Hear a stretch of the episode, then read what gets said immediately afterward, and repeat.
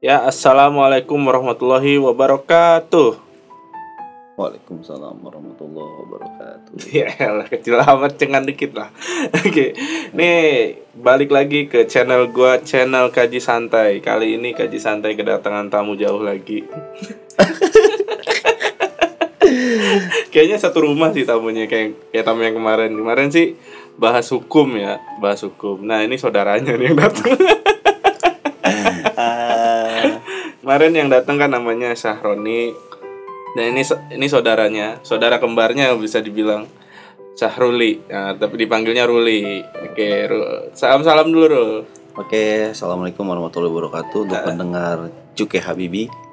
Gaji santai. Oh, kaji santai bersama Sama. Cuke Habibi. Mm-mm. Pada kesempatan malam ini kita ingin berbincang-bincang mengenai apa itu sosial media. Iya, nih kita pengen bahas tentang sosmed. Nih kan ceritanya lu anak muda nih. Anak muda nggak sosmed ya gimana ya? Nggak asik. Kayak- nggak asik kayak kampung. Orang kampung lah. Istilahnya kalau misalnya gua aja nih Facebook, Twitter, eh, Friendster aja ngalamin ya. Tua banget gua kayak. Belum lahir gue kalau Friendster kayaknya. Gue inget banget tuh dulu istilahnya awal-awal nih Friendster tuh, zaman-zaman Friendster. Lu lu belum punya tuh? Friendster gue belum. Belum. MIRC tau nggak? RC apa? Yang uploadnya cuma foto satu dan itu blur banget, gak sih? Enggak, MIRC itu cuman chatting doang. Oh. Dan itu gue gue sering banget apa istilahnya ngetik nih kan nyari-nyari cewek Bandung. Asal mana Bandung gitu ya. Ketemuan. Fotonya mah nggak ada. Nggak ada fotonya. Nggak ada. Nah, pas Friendster baru ada. Dan tapi Friendster kan alay itu. Buat buat apa?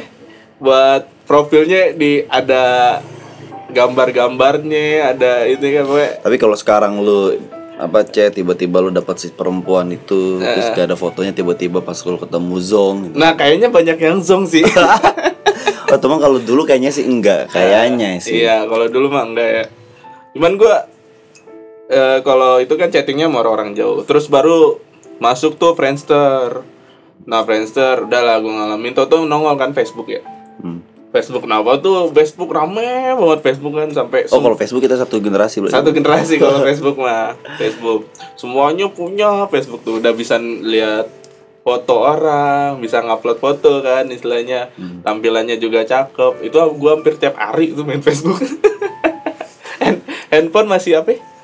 handphone masih apa itu waktu itu Apa, S? masih Samsung warna-warni itu cuman cuman belum bisa internet Yang keren tuh dulu Nokia. Nokia Nokia nggak bisa sosmed dulu Bisa bisa internetan aja paling bang. iya internetan cuman mahal Mahal. pakainya GPRS kan masih gue sih dulu pas lagi kecil yang paling mau Facebook gue harus main ke warnet dulu. iya aku udah ke warnet Modal handphone ya paling handphone gue tahu gak sih lu Asia. oh itu dulu banget. iya Kelas berapa gue SMP itu kelas 1 SMP kalau nggak salah. Ah, ah, masih lu SMP handphone lu apa Pertama kali, pertama kali itu Asia itu nggak yang ada. Bukan Asia juga sih. Pertama kali banget sih Nokia yang ini yang buat main. Ada bonceng. tiga tiga sepuluh. Nah, yang ada ular-ularan itu. Iya terus yang nonton- casingnya bisa diganti. Iya, agak ada warna dikit kan. Berarti kan hitam putih yang ada warna dikit ya pakai Asia. pakai Asia. Ya, tapi awal-awal sosmed lu yang lu intens kapan? Itu gue tahun 2009. 2009an ya? Intens itu ya Facebook kan buat apa sih namanya main warnet biasa sering banget tuh nih warnet. Hmm. Apa main lu maju dikit main game online gitu gitu Ah, kan. Main game sini main main game online terus sambil Facebookan kan.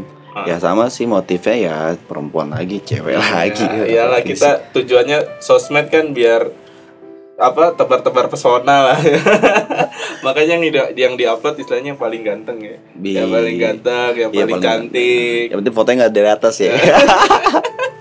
cuman kan kalau cowok istilahnya fotonya gitu-gitu doang. Ya kan? Fotonya dari depan aja pis gitu kan. Tangan dua jari gitu. Dua, kelar. dua jari yang mana nih? Kayak telunjuk jempol apa dua jari jari apa jari tengah? enggak dua jari bukan 02 nih. Oh bukan, mungkin 02 Bukan, ini kayak ininya doang. Nah, nih kemarin nih ada hal yang lumayan mencengangkan lah istilahnya, lumayan boom lah gitu. Ini sosmed ngedon cuy. Oh, nggak? ngedon ya. Ah, ah, kemarin ngedon kan, istilahnya tanggal 22 tuh pas banget lagi teman-teman lagi ada pesta di Jakarta gitu. Oh, pesta. Pesta kembang api. pesta kembang api kan, gue kirain tahun baru emang. Eh ternyata bukan tahun baru. Nah itu pesta kembang api tuh, itu kok bisa down sih? Itu emang keputusan pemerintah kenapa dia mau ngedonin menurut lu? Kalau menurut gue sih Mm-mm. pertama.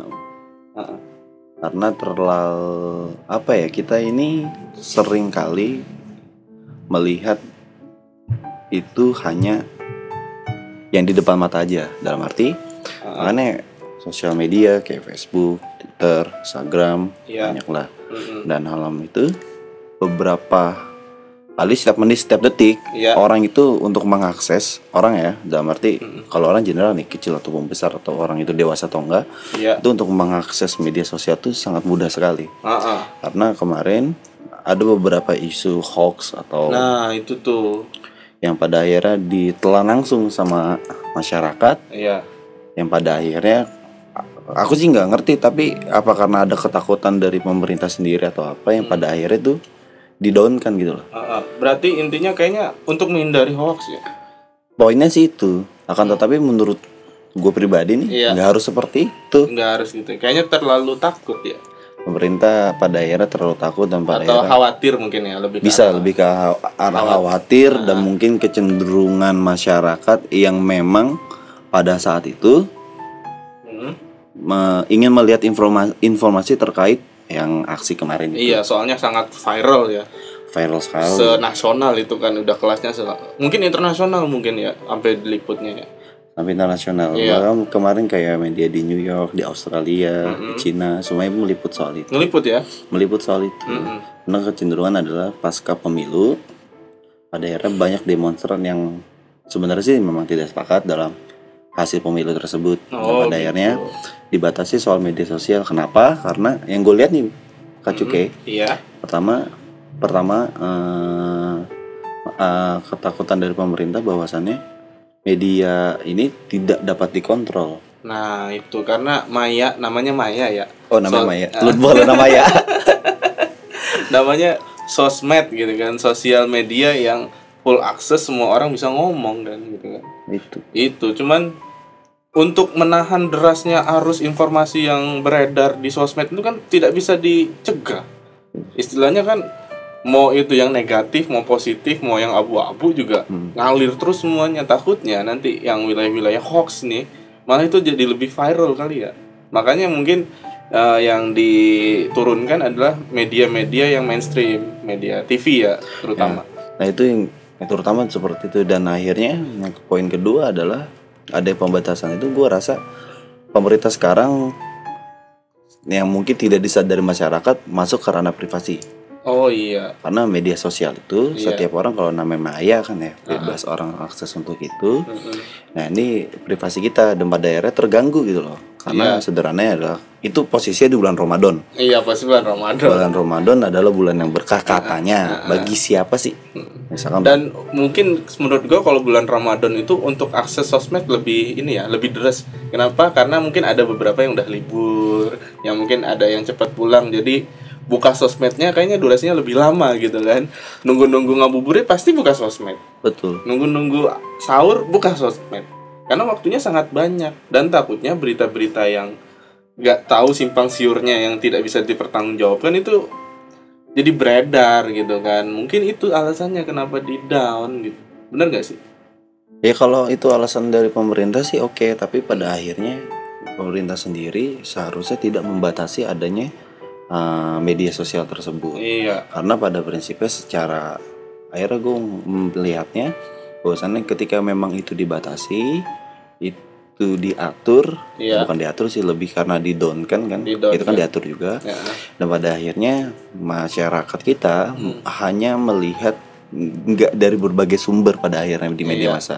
Tapi pakai apa sih akhirnya ngeliat media-media ekstrim mainstream aja yang dipakai Ah, ah. seperti contohnya kayak TV. Metro TV Kayak, ataupun di TV One ataupun tuh media yang lain net TV dan lain sebagainya. ah, Ya itu akhirnya masyarakat melihat informasi dari itu aja. iya Padahal yang di sosial media banyak informasi yang memang tidak terliput dalam TV Mm-mm. media ekstrim. itu yang kedua yang ketiga sebetulnya sih pada akhirnya menurut gua ya nggak harus didownkan pada akhirnya namanya kita sih apa namanya akal-akalan kasino Iya, kawan-kawan kasih. jadi itu Indonesia gua rasa kenapa pada akhirnya eh, media sosial didownkan tetap aja apa sih maksudnya tetap tetap bisa diakalin dengan VPN, akhirnya Iya, kan Islam masih aja pada VPN masih bisa muncul Ah, gitu. ah. Tapi kalau nanti VPN didownkan juga diganti lagi pasti ada lagi. Nah, cuman masalahnya kalau VPN itu mungkin nggak semua orang tahu. Itu masalahnya. Mungkin orang-orang yang eh, maaf ya dalam istilahnya hitungannya gaptek gitu kan. Hmm. Gaptek yang orang-orang kampung yang tidak paham oh, gimana sih VPN itu apa gitu kan. kalau kita mah masih tahu. Jadi nggak senasional juga yang bisa pakai VPN itu. Mungkin hitungannya anak-anak muda udah pasti bisa. Oke. Ah, ah, yang orang-orang tua pasti- Tap- ada yang belum tentu. Tapi menurut gua pada akhirnya gini, kecuke apa namanya? Ah, eh, adanya pembatasan di media itu menurut gue sih menarik kenapa?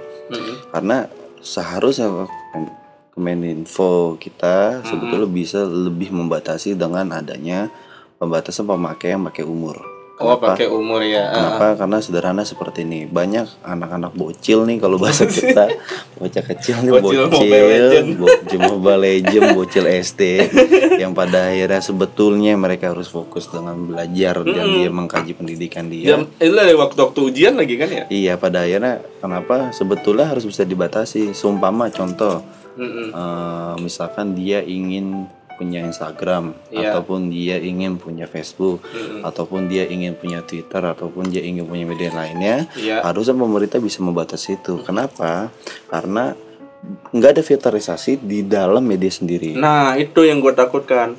Karena banyak loh kalau misalkan kita lihat nih mis banyak anak-anak kecil yang nanggung itu udah jadi youtuber seumpama yang padahal ya kalau misalnya kita boleh lihat nggak ada education yang diberikan gitu Iya. sendiri which is juga Miris, miris lah. banget Nah. which is yang apa yang ada beberapa di Hmm. konten kreator kita yang di YouTube pun sama gitu pada Iya. akhirnya ya udah dia buat konten apa kritik ngasih apa buat ini buat itu selesai hanya itu aja Iya, pada gitu akhirnya doang. dicontoh sama ada yang ada adik kita yang sekarang ini Ah, ah. Nah sebetulnya menurut gua media sosial itu medsos itu sangat bagus sebetulnya. Pertama bisa menjalin silaturahmi yang jauh jadi. Mm-mm. Cuman masalahnya ada juga sosmed yang bikin yang dekat jadi jauh. Yang kita lagi kumpulnya lagi kumpul tiba-tiba semua megang handphone. Ah, iya ya kan gitu sih? kan itu maksud gua. Heeh, terus yang kedua ada kesiangan lagi yang abis mak- makan misalnya ma- makan di Hana Masa apa Hayya Masa sih? Lupa nama gue. Ab- apa ha- Hayabusa. Hayya Busa itulah pokoknya tempat makan yang keren-keren makanannya di-upload di foto, di foto terus di-upload, bukan di-download ya, Hmm. Iya, di-upload. di-upload. Cuman masalah lu tadi ngomongin masalah anak-anak yang punya sosmed. Nah, ini menarik nih. Karena gue sendiri kan guru nih. Insya Allah ya. Solo guru ya. Insya Allah guru. Cuman lagi liburan Guru jadi- apa? Hah? Guru apa? Guru dah. Oh, guru ya. Digaji atas nama guru. Atas nama guru. penga- tenaga pengajar. Iya. Jadi emang gini ya, gue kan punya akun Instagram nih, gue agak curhat dikit lah boleh ya. Hmm. Gue punya akun Instagram yang isinya itu privasi gue ya. Hmm. Nah, gue kan orang yang eh, ini upload ya suka-suka gue sebelum jadi guru. Misalnya gue nongkrong sama teman-teman gue, nongkrong sama ini orang-orang apa teman-teman band gue yang yang gayanya ya begitu gaya anak band. Nah, akhir setelah jadi guru, asik, setelah diterima jadi guru, gue akhirnya ini uploadan gue itu gue hapus. Kenapa? Karena kayaknya untuk murid gue jangan lihat lah, mending jangan lihat hal-hal yang gue kerjakan. Gue juga nggak pengen privasi gue dilihat oleh murid kan, apalagi dengan kegiatan-kegiatan gue sebagai musisi. Oke. Akhirnya mereka ternyata anak kelas 1 aja, kelas 1 SD lo bayangin, udah punya IG, Satu SD. satu SD udah punya Wow, Instagram. keren banget. Gaul banget ya. Gaul banget. Zaman gue kecil aja gue gak bisa loh. Nah, anak-anak kelas 3, kelas 4 itu udah pada pakai YouTube. Udah punya YouTube. Tau nggak yang diupload apaan? Apa tuh? TikTok. yang joget-joget gitu ya? Iya, mu- musically ya. Oh, yes. Oke, gue gue gue berpikir ya mungkin ini dunia sekarang yang anak-anak juga bisa berpikir secara kreatif gitu untuk memanfaatkan media sosial ini kan, yang seperti YouTube atau seperti Instagram, platform-platform yang musikali TikTok. Tapi gini Kak Gigi, ada beberapa teori yang menyatakan kayak Dennis McQuail itu Heeh. dia bilang komunikasi itu adalah pengaruh dari efek yang ditimbulkan oleh media massa kepada halayak atau audiens Hmm. yang mana dari media massa tersebut memberikan efek apa sih efeknya ada positif dan negatif Iya, tetap nah ada tapi semua. kita lihat ada kalau kata McQuail itu bahwasannya yang menjadi negatif itu apa Mm-mm. yang menjadi positif itu apa Di- tapi dilihat dulu ya. dilihat jadi gini memainkan media sosial seumpama contoh untuk misalkan Instagram, sangat Instagram. bagus sekali positif bagi penjual ataupun pedagang All shop, also OL shop, OL shop. Online shop ya. online shop itu bagi pedagang. Mm-mm. kedua bagus buat siapa sih? Misalkan bagi selebritis. Selebritis ya, mengangkat namanya lagi. elektabilitasnya pada akhirnya itu lebih bagus Ah, sebenarnya tapi negatifnya apa sih? Misalkan ada konten kekerasan. Nah, itu tuh. terus kedua mohon maaf bahasanya yang film blue itu loh Iya, yang semi ah, semi-semi. Arahnya ke arah pornografi Nah, ya. sebetulnya apa namanya harus ada tapi lagi-lagi nanti pemerintah mengintervensi sih, tapi memang Hmm. nggak bisa diintervensi karena memang kita negara kita demokrasi, bebas berpendapat dan bebas Iya, kita berekspresi seperti pasal itu. 28 ya. Pasal 28 itu. Ah, bebas berpendapat. Iya, tapi gue nggak mau bahas hukumnya lah. Karena banyak kali hukum yang lain membahas soal itu. Pokoknya Kata- kita tapi, tahunya pasal 28 Ah, gitu kan. tapi titik poinnya yang tadi gue katakan itu bahwasannya media itu baik bagi siapa sih? Baik bagi si apa bagi pengguna yang memang pengguna tersebut memanfaatkan untuk kepentingan dirinya. Iya. Kenapa? Karena itu baiknya karena ya tadi gue bilang kayak online shop buat penjualan Iya atau jualan. buat selebriti yang ya upload fotonya dia dan buat Ya buat- seleb juga intinya Ya, kira-kira jualan buat juga kan. jualan juga buat elektabilitas dia Ah, naik atau misalkan kayak kemarin nih momentum pemilu pileg dan lain sebagainya Iya, itu pasti pakai sosmed. terus sebenarnya itu kampanye kreatif Iya. jatuhnya Contohnya Obama aja kan pakai sosmed, kenapa Nah, dia itu. jadi menang kan? Dia pasti Itu pakai sebetulnya sosmed. yang menarik alhasil tapi adalah kritik dari kita nih kritik dari gue Hmm. Ini pribadi masalah negatifnya sekarang kan. negatifnya bagi gue adalah ayolah kita batasi soal pemakai media sosial bagi si anak-anak ya bocil bagi Hmm. anak-anak kecil yang memang belum mengerti penggunaannya Mm-mm. karena media sosial bagi gue tuh seperti pisau gitu loh Seperti pisau. kalau ya seperti pisau karena Hmm. kalau pisau kita potong untuk buat motong sayuran dan daging itu sangat berguna sekali Iya, jadi safe ya. jadi saya- tapi kalau pisau digunakan untuk menusuk orang itu sangat Jadi pembunuh kan. itu seperti itu Mm-mm. Tapi menurut lu ada solusinya nggak? Gimana caranya ngejaga biar anak-anak ini termaintain gitu? Oh dia dia harus menggunakan sosmed. Oke, kita nggak harus bilang jangan pakai sosmed. Kita cuman harus membatasi. Nah, menurut lu ada solusi nggak biar kita membatasin pemakaian anak-anak ini untuk sosmed? Sebetulnya kalau kita pembatas membatasi anak-anak kecil untuk memakai sosmed itu Hmm. pertama kali sebetulnya yang harus ditekankan adalah si orang tua tersebut. Iya orang tua ya, karena karena dia paling deket. paling dekat.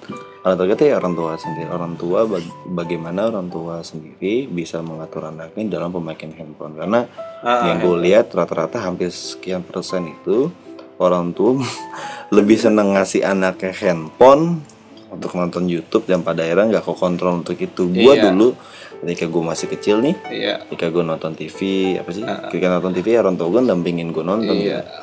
Untuk apa sih tujuannya? Padahal ya? TV juga kontennya masih terjaga masih ya. terjaga Dan tapi itu masih dijaga lagi sama orang tua gitu masih kan. jaga orang tua lagi. Jadi akhirnya gue nggak tahu misalkan ya pada saat itu misalnya lagi happening apa sih misalkan soal zaman lo dulu masih kecil tuh yang kita ngeliat Paling paling ini misalnya nonton Smackdown deh. ya Nonton itulah Smack- kan itu konten kekerasan. tapi akhirnya dibatasi sama orang tua jangan nonton itu dong gitu gitu Ah, ah. akhirnya ada kontrol itu dan pada akhirnya ya udah bagi gua selesai gitu aja tapi gue lebih yang kecil gue nih jarang loh lu ngeliat anak kecil tuh yang anak kecil sekarang gue liat di pertemuan di mana di apa namanya di pinggir gang misalnya atau anak-anak yang kompleks sekalipun atau anak-anak kecil nih bocil yang mau beranjak dewasa kebanyakan ya handphonenya miring gitu loh Iya, handphonenya miring pada main game. handphone miring main game Mobile Legend lah atau Eh, apa PUBG gue pun atau- gue mainkan itu ah. tapi kalau kita kita tahu batasannya Kita tahu batasan. tapi anak-anak kecil ini siapa yang mengatur batasan itu Jadi orang tua ya. orang tua itu pertanyaan kedua adalah harus ada eh, intervensi sih gue rasa tapi Intervensi. galak banget ya bahasa intervensi Iya. pemerintah. tapi Menja- bukan controlling lah. controlling lah Ah, jangan lebih- jangan mengintervensi mengkontrolling pemerintah bosan dibuat aturan itu sumpama ingin punya akun Instagram minimal sudah punya KTP atau Nah, ya misalnya ya. Kalau enggak umur sekian baru boleh. baru boleh menggunakan. Mm-mm. Terus yang kedua apa namanya dibuat hmm, ada langsung apa sih namanya manage itu ada banned akun yang Oh, banned akun. banned akun yang misalkan akun ini Akun 17 tahun ke Atas. atas, konten 17 tahun atas tidak bisa ya, diakses. seperti itu. ah, ah. Tapi sih beberapa akun udah ada yang melakukan Ah, itu. ah, ah. Misalnya kayak kalau pornografi kan udah di cut semua tuh pemerintah kan banyak tuh ah, di cut. Yang kedua sih yang paling penting yang terakhir nih Hmm. yang penting adalah ya sebenarnya masuk ke dalam pendidikan sih. Iya. Kenapa ya bagus juga beberapa pemerintah yang pada era meng apa uh, full day Full day. Ah. school. Sebenarnya menurut gue sih bagus tapi lebih bagus lagi ya anak-anak dijauhkan dari handphone dan media sosial. Iya, karena karena mungkin belum masanya menurut gue sih. Ya pada era itu Ah. karena ada tesa dan antitesanya. Hmm. Te- Antitesanya kalau zaman gue pada saat itu teknologi belum maju. Iya, kalau kita masih main mobil-mobilan, masih main Tamiya. teknologi sudah maju tuh kalau kita batasin juga yang akhirnya gaptek juga sih anak nggak Iya, bagus tapi gaptek, ada ya. cara ada pemakaiannya gitu loh aturan pemakaiannya mungkin orang tua sih yang harus ngejeng dan ngepush itu banget Ah. sebetulnya Tapi nih tadi kan kita ngomongin anak-anak. Kita naikkan dikit deh Hmm. ke remaja. oke remaja nih, nih mereka udah udah beranjak ke remaja. Cuman yang gue lihat eh, jadi teman-teman eh bukan teman-teman nih adik-adik kita yang remaja-remaja ini menggunakan sosmed sebagai ajang pengen jadi artis yang gue lihat ya. Karena TikTok TikTok, Yang tadi musikali apa itu kan pengen jadi artis. Jadi tapi akhirnya malah berlebihan. Makanya ada kata alay di nongol di sosmed. iya kalau kata Raditya Dika kan masuk kecil masuk remaja habis itu alay dulu Alay dulu. anjing banget ya Raditya enggak tapi bukan itu Bang. tapi gini apa namanya kalau si anak kalau remaja ya kalau ukuran remaja ya pasti udah 17 tahun ke atas Iya 17 tahun ke atas. spekulasinya kan seperti itu teman Ah. remaja tapi pada ini ya oke maksud gue lu boleh kreatif gitu loh lu boleh apa namanya melakukan hal apa pun akan tetapi memang ada poin yang mana memberikan edukasi yang baik gitu Mm-mm. ada gua nggak nggak sebut lah konten kreator kita nih di Indonesia di youtubers lain Iya, sebagainya gua nggak nggak mengatakan itu siapa sih orangnya tapi ada beberapa konten yang gue lihat tuh yang dia ukurannya remaja ya dewasa Ya remaja akhirnya gue lihat tuh hanya sebatas ya mama tuh nyari cuan gitu loh nyari cuan. nyari duit aja Iya. bikin konten yang ngasal misalkan ngeprank peluk cium ah, ah, itu tuh bahaya banget. pada akhirnya nggak berikan edukasi yang baik gitu loh dan karena tadi Mm-mm. Akhirnya media kita nih tidak ada controlling dari apa general nih nggak ada controlling itu dan siapa pun bisa akses itu dan Iya. pada akhirnya ketika yang akses si bocil Ah, si anak kecil yang belum belum tahu mana baik dan buruknya Iya.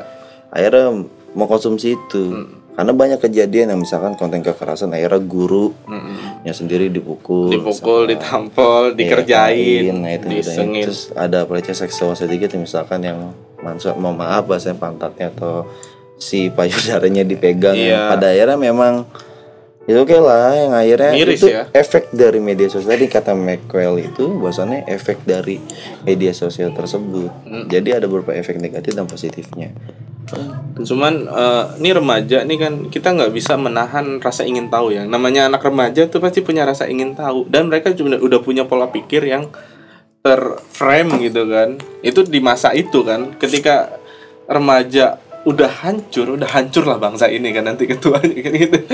Bahasa ini kan generasi-generasi muda yang harus istilahnya ya gue juga masuk generasi muda lu Oh, juga muda ya? masih oh, masih bujang muda masih ya bujang Iya. nah generasi-generasi muda ini yang jangan dihancurkan gitu masa depannya oleh sosmed. Karena gue lihat isinya ya itu itu aja. Mereka masih dalam masa pencaharian ya. Pencaharian jati diri kan remaja. Kecuali kalau mungkin kalau udah umur gue yang 25 ke atas mungkin udah tahu satu titik yang harus gue kejar gitu kan. Kalau mereka kan masih banyak titik yang harus dicari gitu kan. Itu sebetulnya poinnya. ya pada akhirnya peran orang tua sih orang tua kalau bagi itu yang buat anak kecil. Yang kedua bagi si remaja sih ya harus paham dan mengerti bahwasannya ketika lu mau ngupload atau lu ingin bikin konten atau lu buat apa kira-kira efeknya apa sih iya sebenarnya itu yang paling penting dan pada akhirnya yang kemarin yang di tanggal 22 itu yang akhirnya kayak Kemenpolhukam Wiranto angkat bicara untuk pembatasan media. Iya. Kominfo pun mengatakan itu tiga hari kita batasin pada akhirnya sih menurut gue lu jangan terlalu seperti itu Iya. karena gua rasa adalah lu masuk ranah privasi akhirnya kalau misalkan seperti Iya. itu bahasa Uh-uh. tapi kalau misalkan dibalik bahasanya adalah pembatasan terhadap media misalkan. Ah, ah. karena semua down loh. Iya tetap aja. Itu loh pada akhirnya ya gua rasa dunia main ini luas sebenarnya. Kayak kalau misalkan kita analogikan tanah berapa ribu hektar mungkin. Iya. Nah pada akhirnya orang pun banyak yang nanam itu. Ah, ah. seperti itu kak cuke tapi eh, kita berangkat lagi di umuran umuran kita. Ini ini makin naik umurnya. Ya dari yang bocil. Dari bocil ya, remaja nih umuran umuran kita sekarang nih. Ah. kalau menurut gua kalau umuran kita udah mulai settle sih untuk ya kalau umuran kalau umuran kita sih paham lah maksudnya berita hoax yang mana. Ah, terus yang kekerasan apa sih gitu loh. Hmm. terus yang mau ya misalnya kayak bokep bokep dikit misalkan. Ya kita, kita tahu. Ah, kita tahu lah yang mana yang benar mana yang enggak. Kita kita masih bisa kontrol soal bukan bener atau enggak tepat apa enggak tepat? Tepat apa? Sebetulnya itu. Iya. nggak mau nafik juga lah. Maksudnya kalau ada yang kayak gitu sedikit kita lihatnya oh bagus nih. Kalau enggak ya kita enggak. Cuman kan efek downnya itu nggak bisa membuat nggak bisa hanya satu umur atau umur umur. tapi kemarin kan langsung semuanya nggak bisa akses Itu general, Ah, ah, katanya. dan langsung general. Dan itu jadi masalah kan sebenarnya. Karena yang tadi yang saya katakan bahwasannya masyarakat kita sendiri belum dewasa dalam memakai media. Iya pemakaian media. Ya tadi kenapa kayak berita hoax. Mm-mm. sepertinya. Belum bisa disaring banget. Ya itu yang akhirnya percaya dan langsung misalkan masuk WhatsApp foto ataupun video langsung disebar langsung disebar. Iya. Pada akhirnya yang nggak ngerti misalkan ya mama pendidikannya kurang misalkan. Iya. Akhirnya mikir oh ini bener nih. Mama misalkan ini si C nih brimobnya kemarin ada yang kayak gitu Iya. tuh ini si ini nih ininya katanya. pada Brimob- akhirnya Brimobnya Cina ah, gitu kan. gitu Pak. menurut saya pada akhirnya nggak seperti itu. Nggak seperti itu. Dan kita ini memang sebetulnya kayak apa ya kita nih kayak bensin tinggal di tempat api kebakar semua. Jadi istilahnya kita ini masih sumbu pendek oh iya subuh pendek lebih tepat. seperti itu Su- subuh disulut Langsung- cepatnya langsung langsung, nyala bakar, langsung nyala, nyala. cuman cepat banget matinya. Itu mungkin pemerintah titiknya di situ akhirnya di down kan tiga hari. Tapi gua rasa ya mungkin ada diskus di sana ya. Ada Iya. diskus di pemerintah sendiri. Oh kita batas kita nggak membatasi tapi kita buat down misalkan. Ya apa bedanya gitu? Iya kan sama, aja. Iya tapi poinnya adalah sih bagus kalau misalkan jadi nggak ngambil berita hoax langsung ditelan begitu aja pada akhirnya nggak jadi sumbu pendek Heeh. nggak pada akhirnya nggak ada konflik berkepanjangan kalau gue sih pribadi ngeliat yang kemarin ya oke lah pemilu sudah berakhir udah gitu berakhir lah. udah kelar udah selesai ya sekarang tinggal bagaimana kita rekonsolidasi dan kita berdamai Heeh. minimal kita berdamai dengan diri kita sendiri gitu mungkin sosmed juga bisa menjadi media perdamaian juga bisa bisa yang tadi itu kalau positif Mm-mm. Jadi eh, mungkin harus ada gerakan-gerakan yang controlling sosmed kali ya untuk menjaga misalnya hacker-hacker nih apa itu dikerahin ya. bisa dibuat itu ya Iya bisa. Oh hacker tolong dong ini si ini di ban misalkan akun yang palsu nih akun yang gak jelas nih apa-apa takbir apa-apa ini misalkan Cuman kan itu di kita nggak tahu hacker ini siapa yang hire. Ah. itu kan kerja juga, Cok. kita nih nggak berpihak sama siapa-siapa ya Enggak, enggak. posisi kita kita moderat moderat Abu-abu. abu-abu nggak ke kiri nggak ke kanan Ah, ah, ya kita hanya melihat membaca fenomena yang ada membaca sekarang fenomena yang ada. Ya lu nyari aman kan. bukan cari aman lo gue punya pilihan sendiri oh iya iya iya. gue punya pilihan pada saat itu ya gue milih ya sebut gue gue milih 02 misalnya Eh, seumpama. misal bukan misal emang gue 02 pilihnya Iya. Karena kondisinya pasca itu ya gue punya pilihan politik sendiri tapi Hmm. ketika pasca memang sudah diumumkan dan sudah ada hasilnya si kakaknya ya udah lo Iya, gue aja kita gitu. ngikutin aja ya ngikutin aja akhirnya. seperti itu yang sebetulnya politik itu indah asal memang kita bagaimana menyikapinya Iya. sama dengan media sosial tuh indah bagaimana kita bisa men apa misalkan Memanfaatkan. memanfaatkannya kan karena gue yakin apa bukan yakin sih pernah Einstein ngobrol kan ngomong dia ntar perang dunia selanjutnya ini Hmm. itu zaman batu. Karena nanti semua teknologi itu menghancurkan manusia karena akhir pada akhirnya teknologi sendiri yang menghancurkan manusia. Itu yang yang gue sedang khawatirkan untuk saat ini gitu kan. Karena udah terlihat dampak-dampaknya seperti pola pikir gen- generasi sekarang Hmm, dan eh, kurangnya praktisi sekarang sebenarnya seperti itu. Ah, ah, kurangnya orang-orang yang eh, lebih ke arah teoritis kan karena yang udah dapat hanya informasi tidak mau ngulik gitu ya? iya Ya, yang tadi pada akhirnya kayak ada tokoh juga tuh kayak Elizabeth Empers juga menyatakan bahwasannya media tuh bagaimana bisa mengontrol, Mm-mm. memitigasi dapat media sendiri, dampak dari media itu sendiri dan bagi individu ataupun masyarakat. Iya Itu kalau kata Elizabeth. Ya, berarti intinya gimana menurut lu menurut dia menurut dia sih bosannya pengkontrolan media terhadap masyarakat itu memang perlu. iya perlu Kenapa memang ini bukan bicara soal politik ya, yang Ah. tadi karena efek soalnya nanti ujung-ujungnya hak hak asasi, kan? Maksud gue bukan itu, tapi Nah. memang harus ada ada kontrolin bagaimana ada konten isi edukasinya ada atau enggak sih? iya Harus sebenarnya seperti itu karena dampaknya enggak hanya kita aja, tapi ada anak-anak kecil nih, anak-anak Heeh. bocil yang nggak paham dengan isi yang baik itu gimana. Kalau kita misalkan yang kita mahasiswa, kita sudah sarjana, ya sarjana pun kadang seperti itu gitu loh.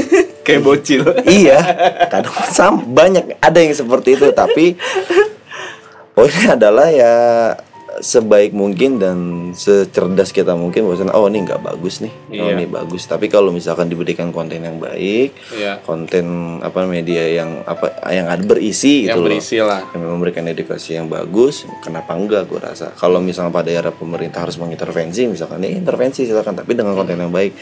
Tetapi enggak dengan apa ya bahasanya adalah membaikkan atau mempropagandakan Iya. si A ini bagus banget gitu ya. Ah. kan pada era kan masyarakat kita berpikir seperti itu. Iya takut. Ya, misalkan ya, contoh di media mainstream misalkan di TV selalu membaikkan si A atau iya si B. misalnya TV ini ke arah ini Nah, TV gitu-gitu. ini ke arah ini. Karena memang media sendiri memberikan apa apa alat yang paling bagus untuk mempropaganda sebetulnya. Iya kan media langsung jalurnya ke masyarakat, paling Masyarakat cepet. langsung paling cepat karena nggak hanya media sosial media cetak media, media massa pun Ah, ah, sama media TV media layar monitor. Podcast gak ya? Hah? podcast gak ya? podcast bisa juga. Nih ini, kita juga bisa mempropaganda. Tapi enggak lah orang nggak mau ke- terpropaganda sama kita Eh, iya. Tapi menurut gua kalau untuk umuran kita udah maksudnya angkat-angkatan milenial ya nyebutnya. Nah, angkatan which is Which literally is- apa ya? literally anak-anak jaksel nih. Itu menurut gue udah pada pinter untuk memfilter segala macem. Cuman kadang ada orang-orang yang lebih tua dari kita kadang masih Hmm, ya iya gitu kan ah. ya karena orang tua kita dulu ya nggak kenal medsos nggak kenal medsos taunya apa ya. Intinya gue tanya bokap lu punya IG nggak Nggak. nggak kan gitu tapi nyokap gue punya oh nyokap lu punya cuman nggak nggak tapi gue intervensi cuman nggak terlalu aktif Enggak, kan? tapi gue intervensi. Ah. Gue intervensi kenapa? Eh jangan dong, mang. Gue usah main Instagram. Enggak bagus Instagram ya. Pada akhirnya gue lakukan itu kenapa? Ya mana pada akhirnya nanti mengintai gue gitu loh. nanti ketahuan nih Ketawa gue di mana, Nah. lagi ngupload apa gitu kan. Lu, ini anak gua lagi nongkrong sama siapa nih gitu iya. kan dari Atau ketahuan. misalkan iseng nih lagi apa namanya lagi snap snap apa ya kan? Tiba-tiba oh lu lagi di mana itu? misalkan ya kan? Anak muda misalkan snap lagi di clubbing misalnya apa kayak gitu gitulah Tapi kalau dari hati lu enaknya nih orang-orang tua kita tuh aktif di sosmed juga apa enggak menurut menurut gue nggak perlu lah. Nggak perlu ya. Iya, kan bukan generasi dia. Ah. Marah banget gue ya.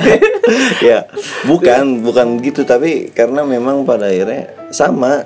Kalau sebenarnya boleh aja, bebas Boleh, siapa pun bebas orang. aja. Siapa pun boleh mengakses Tapi itu. kadang orang-orang politikus juga yang umur-umur Banyak itu kok. banyak kok Nggak apa, asalkan ini. memang nggak sumbu pendek aja. Ah, Enggak sembuh pendek aja. Tapi kebanyakan karena emang sumbu pendek. Ah. Itulah paling penting bahwasannya yang orang paham dan ngerti, lu orang paham, lu orang ngerti, ya diberitahu orang terdekat lu gitu. Iya, gitu aja yang pentingnya. Iya karena ya pemakaian media sosial dengan sekarang gampang sih orang bikin email tuh. Iya, emailnya banget. paling berapa menit? Itu yang kedua lu mau buat apa lagi? Lebih susah buat ini loh kartu keluarga dibanding bikin email loh. Iya. Berarti nanti kayaknya enakan buat email aja jangan kayak kakak lagi ya. iya. Alamat Kayak email. nanti ada ini nih kakak kakak by online. kakak by online. Isinya email Iya, adik lu, email abang. Bobat KTP kasih email mungkin tapi feeling gue bisa aja terjadi hal kayak gitu mungkin kita nggak lihat sekarang Bisa. mungkin 20 tahun ke depan ketika Bisa. teknologi sudah mulai lebih canggih daripada sekarang Iya, bisa banget. Mm-mm. Karena KTP itu ya adalah salah satu visi visi ya kemarin tuh ya, Iya, Wapres kita kan kayak Singapura, Singapura kan udah KTP-nya udah bisa ATM, Iya. udah bisa yang lain Nah, kesehatan itu. apa. Jadi menurut gue pun cukup satu cukup satu kartu untuk semua. Satu kartu ya. Iya, satu Biar kartu. nggak nebel-nebelin dompet juga sih. Betul banget. Kemarin milih 01 sih. Iya. Jadi nyesel milih 02. Kagak. Oh, enggak. Itu kan punya misi 02. Oh, iya. Bang. Nah, pakai KTP bisa semuanya. Iya. Jadi kalau ada kartu sehat, kartu Ini gak apa-apa nyerempet-nyerempet dikit, ya. Dikit. Dikit aja nyentil biar ketawa dikit. Oke, eh, ini mungkin eh, untuk statement terakhir lah ya. Untuk statement terakhir, gue pengen nanya nih, sosmed menurut lu apa, gimana, dan penggunaan yang baik gimana dan saran lah tips menurut lu nih, menurut pribadi aja. Menurut gua pertama media sosial harus dimanfaatkan sebaik mungkin. Mm-mm. Untuk apa sih? Bukan untuk eh, menjustifikasi orang, Iya. untuk memberikan konten yang buruk-buruk, Heeh. bukan itu. Mengujar kebencian. Ah, tapi lebih penting adalah bagaimana lu memanfaatkan media sosial lu untuk mencari informasi, informasi yang positif. Ya. Tuh, yang kedua adalah eh, pembatasan atau controlling dalam media sosial sebetulnya adalah setiap kita Mm-mm. eh, itu punya gadget yang keren-keren lah. Iya. Ya, lu mengakses media sosial tuh sangat mudah sekali. Bebas Sangat lagi. bebas dan sangat mudah sekali. Lalu sekarang adalah pembatasan waktu lu memakai media sosial sih. Mm-mm. Ya maksudnya lebih penting lu bekerja, lu lebih penting lu usaha, Mm-mm. lebih penting lu aktivitas sosial yang real gitu lah, nggak harus di media sosial. Iya iya. Ya lu kumpul dengan teman-teman, lu hangout sama teman-teman itu sih. Yang paling terakhir adalah buat bocil nih, buat ibu-ibu, mak-mak nih, ya buat ibu semua harus ada apa namanya mengintervensi anaknya si kecil sendiri bahwasannya media sosial ini cukup jahat bagi si anak kecil bagi gue Iya. karena harus ada pemba ada pembat Controlling. controlling dan membatasi si anak untuk mengambil media sosial ya udahlah tuh anak mending kasih buku yang bergambar Iya. Lebih kasih komik kalau enggak kasih dunianya kasih aja. dunianya aja Heeh. karena pada akhirnya media sendiri yang kata McCoy tadi bahwasannya lu media sendiri bisa menjadi efek positif dan efek yang negatif Oh. dan paling penting bagi gua adalah pemerintah sekarang harus uh, sebetulnya sih pemerintah juga harus membicarakan khusus terkait media sosial Mm-mm. Kenapa? Karena media sosial sekarang memberikan efek yang banyak. Apa efeknya sih salah satunya? Kenapa pada daerah ada anak anak kecil yang bisa apa bisa uh, menindak kriminal atau misalkan Nah. dia bisa ada tanda kutip yang porno aksi dan pornografi seperti Karena ada itu. contoh dari Karena ada contoh dari si media sendiri. dan Paling- anak anak-anak itu cuman bisa niru ngikutin iya, doang. itulah paling paling itu. Heeh. Oke, menarik untuk bahasan kita kali ini. Terima kasih untuk Syahruli atau Ruli nih. Udah mau ngisi di sini. Thank you udah mau ngopi-ngopi di sini nyantai ya. Nyantai Nah, banget. nanti kapan-kapan lagi gua panggil enjoy ya. Enjoy banget. Enjoy banget. Jadi kan. teman-teman yang mau gabung sama Kak Cuke juga bisa. Iya nih kalau bisa teman-teman misalnya berpikir, aduh mau dong di podcastnya kaji santai ngisi, iya. Tinggal di DM aja di IG gua @cukehabibi. IG gue enggak. IG lu apa? At apa? Eh, Syahrul Fa Syahrul underscore Fadil Syahrul underscore Fadil jangan lupa L-nya di follow. L-nya dua. yang di belakang. Syahrul Fadil. Oke, thank you buat semuanya. Oke. S- Terima kasih sudah mendengar podcast Kaji Santai. Gua tutup dengan wassalamualaikum warahmatullahi wabarakatuh. Waalaikumsalam. Waalaikumsalam warahmatullahi wabarakatuh. Bye bye. Bye.